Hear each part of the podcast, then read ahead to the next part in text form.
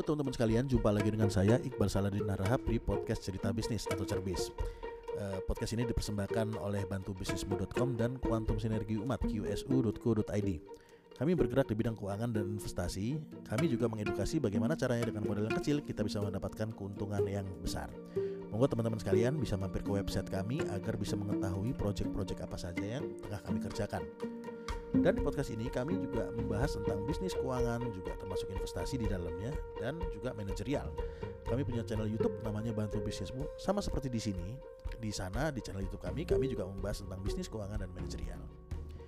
Dan sekarang eh, saya mengajak teman-teman untuk membahas pertanyaan yang sering ditanyakan oleh teman-teman yang ingin memulai sebuah bisnis, baru mau buat bisnis gitu ya baru mau jadi pengusaha biasanya teman-teman yang mau membuat bisnis mau menjadi pengusaha kendalanya yang utama yang paling banyak adalah modal membuat bisnis membuat usaha tapi modal cekak modal tipis jadi harus gimana dong apakah harus minjem dana orang dulu kayak menggandeng investor gitu ya untuk membuka usaha atau ada alternatif lain seperti harus kerja dulu ikut orang Nah, kalau saya ditanyakan pertanyaan seperti itu, prinsip saya adalah menghindari menggunakan uang orang lain dulu jika saya baru mau memulai sebuah bisnis.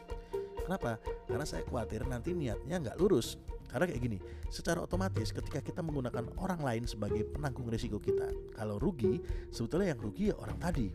Mungkin oke okay lah kita juga rugi waktu, cuman ketika sebuah bisnis gagal, kita rugi waktu, orang lain rugi dana, rugi dana gitu ya. Tapi kan kita tetap dapat ilmu. Jadi eh, kita dapat pengalaman baru, dapat pengetahuan baru. Jadi ketika kita memulai bisnis kita sudah lebih matang lagi. Nah, saya kurang setujunya menggunakan uang orang lain ketika mau mulai sebuah usaha ya tadi. Jadi ketika gagal kita dapat uh, ilmu, dapat tambahan, orang lain kehilangan uang. Jadi mereka yang bayari kita untuk belajar. Gitu loh. Jadi saya kurang sepakat di situnya. Makanya saya lebih memilih dulu jika mau mulai usaha saya selalu harus di awal itu mengandalkan duit pribadi dulu, duit sendiri. Mengandalkan kemampuan sendiri dulu. Ibarat kalau mau belajar bisnis ya pakai uang sendiri nanti pada saatnya mungkin kita akan butuh tambahan dana dari orang lain. Kita akan butuh menggandeng investor. Tapi itu nanti bukan pada saat ketika lagi memulai gitu.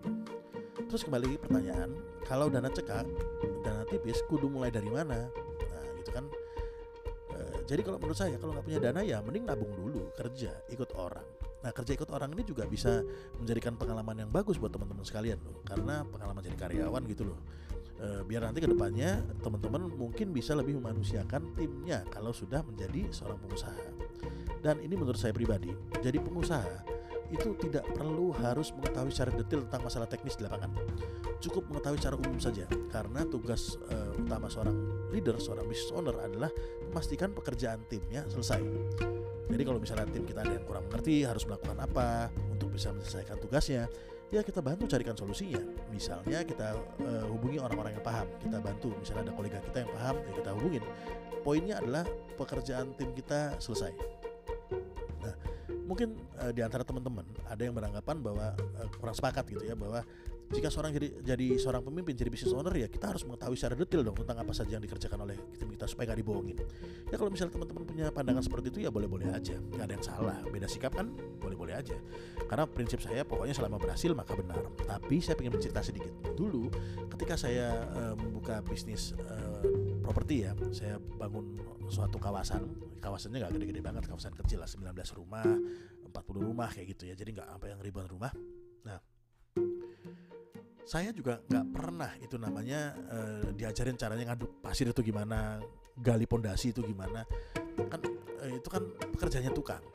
Jadi saya cukup tahu saja, oh ini bangun rumah ya harus ada pasirnya, harus ada batanya, ukurannya berapa. Kan saya dulu ke, uh, kuliah di teknik sipil, jadi ya paling nggak untuk bangun rumah tahu lah harus melakukan apa. Cuman teknis di lapangannya, bagaimana caranya meng mengaduk sirtu, terus habis itu caranya gali pondasi itu sudah saya delegasikan kepada kontraktor. Jadi saya gandeng kontraktor untuk bangun. Kontraktor juga punya pengawas, punya mandor gitu ya, dan mandor juga punya tukang. Jadi sudah saya delegasikan kepada tim. Saya hanya memastikan fokus ke bagaimana caranya barang ini, properti ini bisa cepat laku. Saya fokus ngurusin promosi, saya ketemu sama banyak pihak, agen-agen properti dan lain-lain.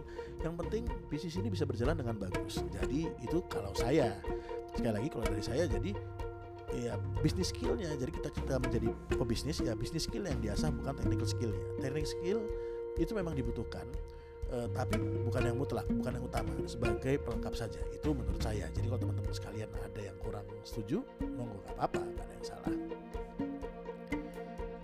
Nah, kembali ke masalah tadi ya. Jadi uh, menurut saya kerja dulu, dapat gaji dan mulai menabung. Karena itu adalah cara yang paling aman untuk memulai sebuah usaha. Karena kalau misalnya Anda pakai uang Anda sendiri ya, pasti Anda akan lebih berhati-hati dalam membelanjakan uang tabungan Anda. Namun uh, tantangannya kalau misalnya anda milih kerja dulu uh, tantangannya itu adalah khawatir kebablasan. Akan kerja akhirnya malah banting setir jadi berkarir. Lupa sama cita-cita awal kalau dulu cita-citanya awal kerja itu hanya untuk kumpulin modal dulu. Dan ini memang sudah juga sering banyak banget terjadi gitu ya. Apalagi kalau sudah pas kerja terus nikah terus punya anak wah tambah mantep lah untuk melanjutkan karirnya tidak berhenti dari pekerjaannya dan melupakan niatnya untuk menjadi seorang pengusaha saya pengen cerita sedikit. Saya punya seorang kawan. Dulu duduk uh, kelas satu kelas ya gitu pada waktu kuliah. Itu mendekat lah. Dulu awalnya kami lulus sama-sama. Kami punya cita-cita ingin menjadi pengusaha. Sama. Dia pengen menjadi pengusaha, saya pengen jadi pengusaha. Cuman teman ini karena kekurangan modal, maka dia memutuskan untuk jadi karyawan dulu. Waktu itu kami masih di usia awal 20-an ya. Jadi masih awal lulus kuliah. Dan dia rencananya sih cuma mau jadi karyawan selama lima tahun. Cita-citanya sambil ngumpulin modal, itu rencananya. Lalu setelah itu dia keenakan kerja sudah punya mulai gaya hidup ya udah punya gaya hidup udah terbiasa dengan gajinya terus tiba-tiba uh, ya sudah saya anggap itu terpenjara. Jadi dia itu uh, terpenjara sama ya gaya hidupnya dia. Terus habis itu dia nikah. Oh tambah lagi beban kan? Jadi beban tadi beban dirinya sendiri terus dia nikah punya istri. Ya otomatis dia mau keluar pasti mikir kalau saya pendapatan misalnya X rupiah saya keluar terus saya, saya gimana gaya hidup saya? Gimana istri saya? Apalagi terus kemudian punya anak.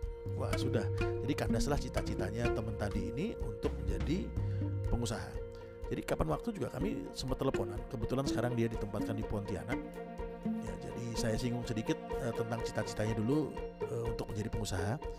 Dan dia bilang e, saya aku sih tetap ingin sebetulnya jadi pengusaha tapi ya mungkin tunggu usia 50 dulu lah. Mungkin nanti bisa mengajukan pensiun dini nah dengar kata-kata teman saya tadi itu pensiun dini itu ya saya tertawa. Bukan apa-apa tapi ya usia 50 tahun itu kan sudah nggak lincah lagi untuk memulai sebuah usaha. Cuman ya mau gimana lagi dia berkibat pada Colonel Sanders. Colonel Sanders itu pendirinya KFC ya.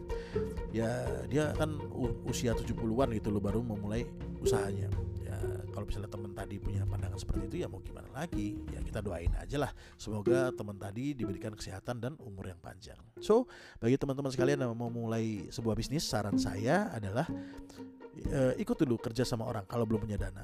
Kecuali kalian misalnya teman-teman sekalian ini sultan uangnya banyak bebas. Uh, apa namanya? Uh, uangnya nggak berseri gitu ya bebas mau ngapain aja. Ya duit-duit sendiri ini kan mau diapa-apain ya terserah nggak ada yang komplain So gitu dem eh, tanggapan saya ya mengenai pertanyaan tadi tentang apa yang harus dilakukan kalau mau bisnis tapi belum punya modal. Mungkin sekian dulu dari saya. Eh, semoga apa yang saya sampaikan sedikit ini bisa bermanfaat buat saya pribadi terutama sebagai pengingat. Kalau ada yang salah-salah kata ya saya mohon maaf. Saya mundur diri dan sampai jumpa di episode podcast kita selanjutnya. Wassalam.